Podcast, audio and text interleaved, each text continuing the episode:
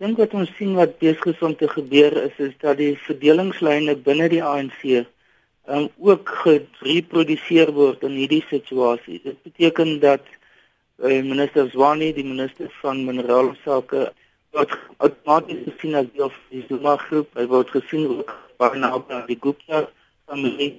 Um, en dis word die um, handvesting om trend outomaties geïnterpreteer as komende van 'n daardie groep. Aan die ander kant is die ANC onder leiding van Gwede Montashe, die sekretaris-generaal, word gesien as nie deel van daardie groep nie en eintlik 'n teenpool.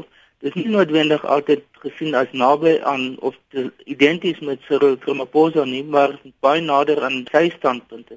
Um, en wat interessant is nou is dat Letuli huis meer en meer aktief raak by besluitneming oor sake wat streng gesproke eintlik in die hande van die regering moet wees En dis een voorbeeld daarvan. En dit word eintlik in in waghond of 'n wig en 'n teenwig vir uh optredes van die regeringskant. Uh, die en dit is as gevolg daarvan 'n uh, 'n goeie ander voorbeeld daarvan was die besluitneming van die nasionale uitvoerende komitee oor die toekoms van Brian Molefe en dat hulle uiteindelik besluit het Brian Molefe se loopbaan um Eskom moet eindig word. Die mynbewag is en dit in die feit dat dit uh, minister Zwane en geroep is om by Letolia as uit te kom. Dieselfde is nou besig om te gebeur vanuit die die ANC se kant om eintlik uh, die skade te probeer beperk wat uh, deur die die aanfees veroorsaak is. En dit is die as gevolg daarvan het Kwemantashe nou die inisiatief geneem. Dit een punt wat ek dink belangrik is om ook in ag te neem is dat Kwemantashe is 'n voormalige al, algemene sekretaris van die National Union of Mine Dat hom 'n baie sentrale posisie plaas in terme van sy begrip van wat in die mynbou en die mynwese in die algemeen aan die gang is. So hy kan definitief nie daarvan beskuldig word dat hy nie ingelig is oor oor daardie sektor nie. En dan het Cyril Ramaphosa 'n um, baie belangrike punt gemaak in sy uh, toespraak die afgelope week.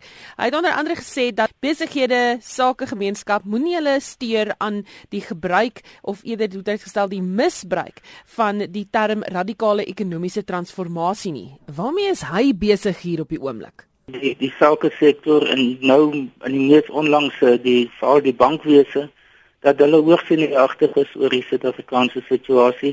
Ons het gesien die afgraderings wat plaasgevind het, die feit dat Suid-Afrika nou in 'n amptelike resessie is. Dit alles is is negatief vir die die markte terwyl die ANC se se ekonomiese benadering is die van dat dit alles gebaseer is op die uitgangspunt van groei en uh, van bruto nasionale produk uh, groei.